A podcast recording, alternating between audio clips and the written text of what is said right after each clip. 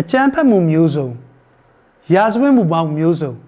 လူခွေချုပ်ဖောက်မှုပေါင်းမျိုးစုံကိုကျူးလွန်နေတဲ့အကြမ်းဖက်စစ်ကောင်စီ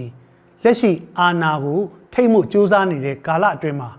မြန်မာပြည်တဝန်းလုံးမှာရှိတဲ့ပြည်သူလူထုအနေနဲ့စိတ်ရောကိုယ်ပါစေးရဲမှုတွေစိုးရိမ်ပူပန်မှုတွေကြုံတွေ့ရမှာအားလုံးကိုသဘောပေါက်ပါတယ်ကိုချင်းလဲစာနာသလိုဒီကိစ္စတွေကိုအမြန်ဆုံး ရက်တံမှုအတွက်ဆက်လက်ကြိုးပမ်းဆောင်ရွက်လျက်ရှိပါတယ်အကြံဖက်စစ်ကောင်စီရဲ့လက်အောက်မှာရောက်နေတဲ့မြန်မာပြည်သူပြည်သားတွေအနေနဲ့ပထမဦးဆုံးကိုယ့်ရဲ့အသက်ကိုဘယ်အချိန်မှလာတတ်မလဲကိုယ့်ရဲ့အသက်ရှင်ပိုင်ခွင့်ကိုဘယ်အချိန်မှထိခိုက်မလဲဘယ်အချိန်မှလာရောက်ပြီးတော့တက်ဖြတ်မှုတွေကြုံတွေ့ရမလဲဆိုတော့စိုးရိမ်ပူပန်မှုဟာတစ်ပိုင်းဖြစ်ပါလိမ့်မယ်နောက်ထပ်တစ်ခုကတော့ကိုယ်ပိုင်ဆိုင်တဲ့ပစ္စည်းတွေ ကိုယ်နဲ့သက်ဆိုင်တဲ့ပတ်ဝန်းကျင်မှာရှိတဲ့ပစ္စည်းဥစ္စာတွေကိုဘယ်တော့များဘယ်အချိန်များလာရောက်ပြီးတော့ဖျက်ဆီးမလဲဆိုတော့စိုးရိမ်ပူပန်မှုကလည်းကြုံတွေ့ရတတ်ပါတယ်။ဘာကြောင့်လဲဆိုတော့အပြစ်မဲ့ပြည်သူတွေကိုတပ်ဖြတ်မှုတွေနေ့တူဝကြုံတွေ့နေရတယ်။ပြည်သူပိုင်ပစ္စည်းပါဝင်ပုဂ္ဂလိကပစ္စည်းတွေကိုလည်းကြိုးကြောင်းစင်ကြင်မှုမဲ့စွာဖြင့်ဖျက်ဆီးမှုတွေကိုတွေ့နိုင်လို့ပါပဲ။အများပြည်သူတွေပိုင်တဲ့ ပစ္စည်းတွေသာမကဘဲနဲ့တက်ကြွလှုပ်ရှားသူတွေပိုင်ဆိုင်တဲ့ပစ္စည်းတွေကိုပါချိုးဖောက်တာတွေဖျက်ဆီးတာတွေဒါနဲ့ပတ်သက်ပြီးတော့အကြမ်းဖက်ပြီးတော့အလွဲသုံးစားလုပ်တဲ့ကိစ္စတွေကိုຫນွေဥကာလအစတွေကတွေ့မြင်နိုင်ခဲ့ပါတယ်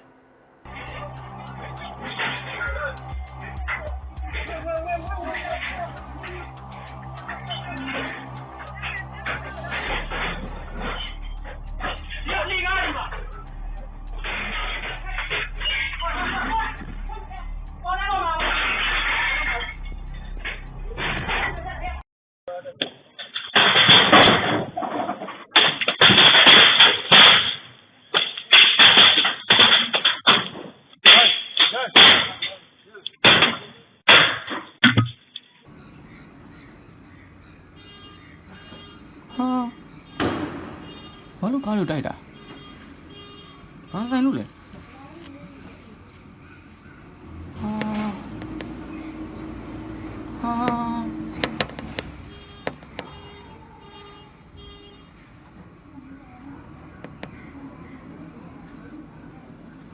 ဆိုင်လို့ကားလို့တိုက်သွားအခုနောက်ပိုင်းမှာတွေဘာတွေထပ်ပြီးတိုးမြင့်လာလဲဆိုလို့ရှိရင်တော့သူတို့ကိုခုခံကာကွယ်တဲ့ ခုခံကာကွယ်တပ်ဖွဲ့တွေရှိတယ်ဆိုတဲ့နေရာဒေသတွေမှာပြည်သူပိုင်ပစ္စည်းတွေအများပြည်သူတွေပိုင်တဲ့ပုဂ္ဂလိကပိုင်ပစ္စည်းတွေကိုပုံမဖြက်စီးမှုတွေတွေ့လာရတာပါပဲအထူးသဖြင့်ကျွန်တော်တို့တိုက်ခိုက်မှုတွေရင်ဆိုင်စစ်ပွဲတွေအများဆုံးဖြစ်တဲ့စကိုင်းတိုင်းမှာတော့ရွာလုံးကျွတ်မိရှို့တာတွေအိမ်တွေကိုဖျက်ဆီးတာတွေဒေသပိုင်ဖျားချောင်းရုံးနေဒါတွေဖျက်ဆီးမှုတွေအများကြီးကြုံတွေ့ရပါတယ် ဘာကြောင့်ဒါတွေကိုဖြည့်ဆည်းလဲဆိုရင်တော့ရည်ရွယ်ချက်ရှိပါတယ်ခင်ဗျ။ဒီရည်ရွယ်ချက်ကတော့ဒီလိုမျိုးသူတို့ကိုစန့်ကျင်နေတဲ့သူတွေစန့်ကျင်ပြီးတော့တော်လှန်ရေးဆင်နွှဲနေတဲ့သူတွေကိုအားပေးတဲ့အရက်သူအရက်သားတွေကြေးရွာသူကြေးရွာသားတွေကိုအပြစ်ပေးလို့တဲ့ရည်ရွယ်ချက်ပါဝင်တာတွေ့ရပါတယ်။နောက်ထပ်တစ်ခုကတော့သူတို့အနေနဲ့ဒီလိုမျိုးကူညီမှုတွေရှိတဲ့အတွက်ဒါမျိုးကူညီရင်ဒါမျိုးပြစ်ဒဏ်ခံရမယ် အဖြစ်ဆိုးတွေကြုံတွေ့ရမယ်ဆိုတော့စိတ်ဓာတ်မျိုးဝင်လာပြီးတော့ကြောက်လန့်သွားအောင်ထိတ်လန့်သွားအောင်နောက်တစ်ခါမလုံရဲလောက်အောင်လှုပ်ဆောင်တဲ့ရည်ရွယ်ချက်လဲပါဝင်ပါတယ်ဒါမျိုးလှုပ်ဆောင်ခြင်းကြောင့်ဆန္ဒရှိပေမဲ့မပါဝင်ရဲကြဘူးတစ်ချိန်တည်းမှာနေကူညီမှုတွေကိုဆက်လက်မလှုပ်ဆောင်ရဲတော့ဘူးဒါဆိုလို့ရှိရင်တော့နောက်ပိုင်းမှာပြည်သူတရားလုံးဆင်နွှဲနေတဲ့နေဦးတော်လှန်ရေးအရှိန်ရော့သွားနိုင်တယ်အရှိန်ရော့သွားပြီးတော့အားပြော့သွားနိုင်တယ် အဲ့ဒါဆိုရင်တော့အကြမ်းဖက်စစ်ကောင်စီကြီးမှန်ထားတဲ့အာဏာတွေကိုတစ်သက်လုံးသိမ်းယူဖို့ဆိုရဲစီမံကိန်းတွေရည်ရွယ်ချက်တွေအထမြောက်အောင်မြင်သွားမဲ့သဘောမျိုးရှိပါတယ်ဒီလိုရည်ရွယ်ချက်တွေအမျိုးမျိုးကြောင့်အကြမ်းဖက်စစ်ကောင်စီကပြည်သူတွေရဲ့ပစ္စည်းဥစ္စာတွေကိုဖျက်ဆီးပြီးပြည်သူတွေကြောက်ရက်လက်အောင်လှုပ်ဆောင်တဲ့ရည်ရွယ်ချက်တိုင်းနီလန်းတိုင်းလှုပ်ဆောင်နေတာကိုတွေ့ရှိရပါတယ်အခုနောက်ပိုင်းမှာကျွန်တော်တို့ကြုံတွေ့ရတဲ့အဖြစ်အပျက်တွေက ဟိုးရင်တော့ကကျင့်သုံးခဲ့တဲ့စီရေး view ဟာဒါတွေကိုပြန်လဲကျင့်သုံးတဲ့ပုံစံမျိုးသုံးသပ်မိပါတယ်။တိုင်းရင်းသားနယ်စပ်တစ်လျှောက်မှာကျင့်သုံးခဲ့တဲ့ရခိုင်ပြည်နယ်မှာဒေတာရှင်းလင်းရေးဆိုတဲ့စီမံချက်အရလှုပ်ဆောင်ခဲ့တဲ့ဖြတ်လေးဖြတ်စီမံကိန်းကိုအခုချိန်မှာဆက်လက်ပြီးတော့ကျင့်သုံးနေတယ်ပြန်လည်ပြီးတော့အရှိန်မြင့်စွာကျင့်သုံးနေတာကိုတွေ့ရပါတယ်အဲ့တော့ဖြတ်လေးဖြတ်ဆိုတာဘာကိုဖြတ်တာလဲ ပထမဦးဆုံးအဲ့ဒီဒေတာတွင်းမှာရှိတဲ့စန့်ကျင်တဲ့အဖွဲ့တွေသို့မဟုတ်ဒါတွေတော်လှန်ရေးဆင်နွှဲနေတဲ့အဖွဲ့တွေကိုလိုအပ်တဲ့ရိတ်ခါတွေမရရှိဖို့အတွက်ဖျက်ဆီးတဲ့ဖျက်ဆီးမှုတစ်ခုဖြစ်ပါတယ်။နောက်ထပ်တစ်ခုကတော့အဲ့ဒီ data တွင်းမှာအကြမ်းဖက်စစ်ကောင်စီရဲ့သတင်းတွေကိုတော်လှန်ရေးတပ်ဖွဲ့တွေစီမရောက်ဖို့အတွက်ဖြတ်တောက်တဲ့သတင်းဖြတ်တောက်မှုအပိုင်းဖြစ်ပါလိမ့်မယ်။နောက်တစ်ခါတစ်ခုကတော့အဲ့ဒီ data တွေမှာဒါမျိုးကြေးရွာလိုက် ပြောင်းရွှေ့မယ်မောင်းထုတ်မယ်ဖြစ်တဲ့အတွက်ကြောင့်မလို့နောက်ထပ်တော်လှန်ရေးအတွက်လူသစ်တွေအင်အားသစ်တွေမရရှိအောင်ဖြတ်တက်တဲ့အရာမျိုးဖြစ်ပါတယ်။နောက်ဆုံးတစ်ခုကတော့တော်လိုင်းအင်အားစုတက်တွေကိုကုညီထောက်ပံ့နေတဲ့ငွေကြေးအစပြတ်တောက်သွားဖို့အတွက်လှုပ်ဆောင်တဲ့ဖြက်လေးပြက်စီမံကိန်းကိုအခုဒီကာလမှာပြန်လည်ပြီးတော့ကျင့်သုံးနေတာတွေ့ရပါတယ်။အရင်ကကျင့်သုံးခဲ့တဲ့တိုင်းရင်းသားဒေသတွေမှာကျင့်သုံးခဲ့တဲ့ထိုးစစ်တွေမှာကျင့်သုံးခဲ့တဲ့ဖြက်လေးပြက်ရခိုင်ပြည်နယ်အတွင်းမှာရိုဟင်ဂျာတွေပေါ်မှာကျင့်သုံးခဲ့တဲ့ဖြက်လေးပြက်ဒါတွေကိုအခုလက်ရှိတတိုင်းပြည်လုံးမှာခံစားနေရတာအလုံးမျက်မြင်သက်သေပဲဖြစ်ပါလိမ့်မယ်အပြစ်မဲ့ကျေးရွာသူကျေးရွာသားတွေရဲ့ကျေးရွာတွေကိုမိရှို့တာနေအိမ်တွေကိုမိရှို့တာခုနကတော့ကျွန်တော်ပြောပြခဲ့တဲ့ဖြက်လေးပြက်စီမံကိန်းရဲ့အစိတ်ပိုင်းတစ်ခုပဲဖြစ်ပါတယ်လက်ရှိမြန်မာနိုင်ငံမှာအကြမ်းဖက်စစ်တပ်ရဲ့မိရှို့ဖျက်ဆီးမှုကိုခံခဲ့ရတဲ့အိမ်ပေါင်း 3000နီးပါးရှိခဲ့ပါပြီဒါကိုကြည့်မယ်ဆိုရင်တနိုင်ငံလုံးမှာကြုံတွေ့ရတဲ့ကျေးရွာသူကျေးရွာသားပြည်သူအများပြရဲ့ကိုယ်ပိုင်ပစ္စည်းကိုဖျက်ဆီးမှုပမာဏဘယ်လောက်ထိကြီးမားလဲဆိုတာထင်ရှားလာပါတယ်။နယ်မြေဒေသအရပြောမယ်ဆိုရင်ပထမဦးဆုံးအိမ်ယာတွေမိရှုခံထိတဲ့နေရာဒေသအများဆုံးကတော့စကိုင်းတိုင်းဖြစ်ပြီးတော့အင်ဂျင်2000ကျော်မိရှုဖျက်ဆီးခံရပါတယ်။ဒုတိယတစ်ခုကတော့ မကွေးတိုင်းဖြစ်ပြီးတော့တတိယလိုက်နေတဲ့နေရာကတော့ချင်းပြည်နယ်ဖြစ်ပါတယ်။ဒါကြောင့်မလို့မြန်မာနိုင်ငံမှာ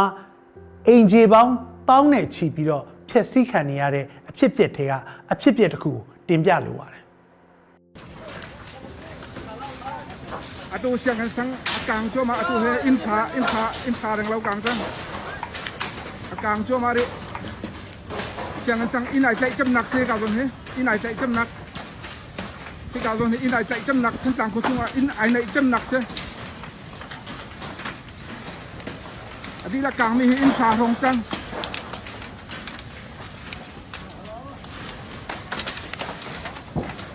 mình nung cái tròn tục mình nung á ôm á nung lâu lại mình nung hết rồi ôm cái đầu hết ác của mình nung cái tròn tục hết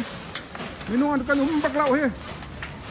ở đây thì tụ ốc thả lâu mi tật mi tật mô tô cái nào lại mi tật nupi ăn ina bom ni tạc về lại nupi ai khong là ra khong lâu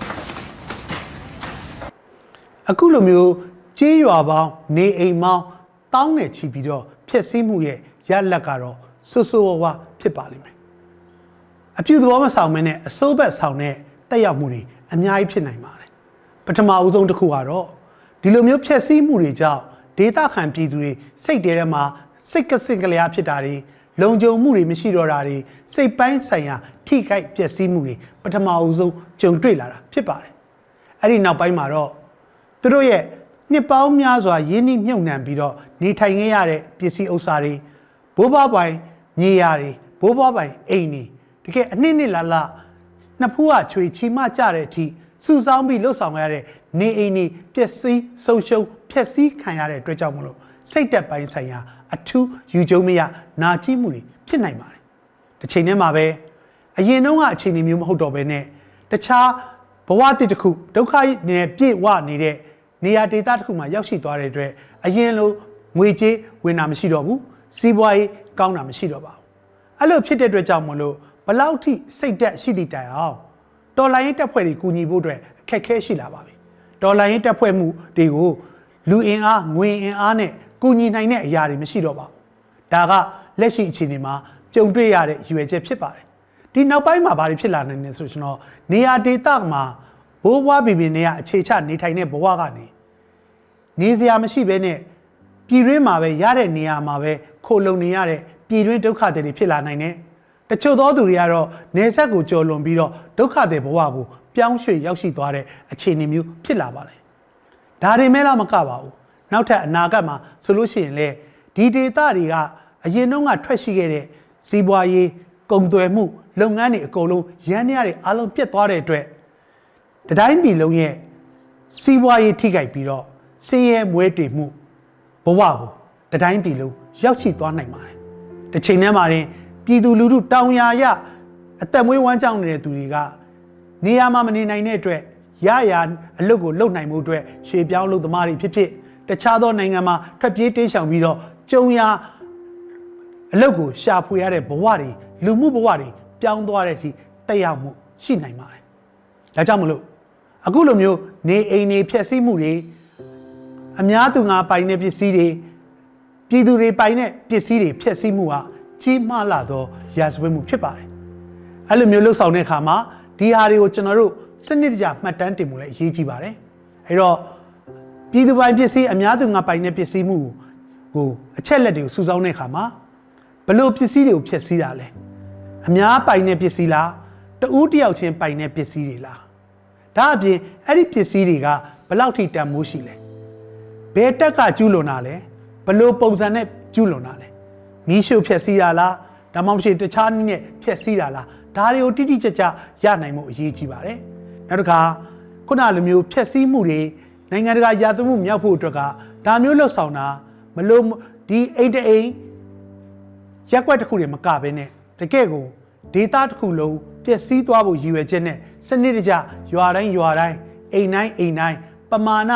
အရေးအတွက်များပြတဲ့ပမာဏအထိလှုပ်ဆောင်တာလားဒါကိုကျွန်တော်တေချာကောက်ယူဖို့လိုအပ်ပါတယ်။နောက်ကကျူးလွန်တဲ့သူတွေကဒီနေရာတွေမကဘဲနဲ့နောက်ထပ်ရွာစဉ်ရွာဆက်မှာဆက်လက်ပြီးလှုပ်ဆောင်သွားခြင်းကရည်ရွယ်ချက်အပြင်ဒါကစနစ်တကျကျူးလွန်မှုတွေဖြစ်တယ်ဆိုတာထင်ရှားစေပါတယ်။ဒါကြောင့်မလို့နေအိမ်ပျက်စီးတဲ့အတွက်ကြောင့်မလို့ဖျက်ဆီးခံရတဲ့အတွက်ကြောင့်မလို့ဝမ်းနေနေတဲ့ဟာတစ်ပိုင်း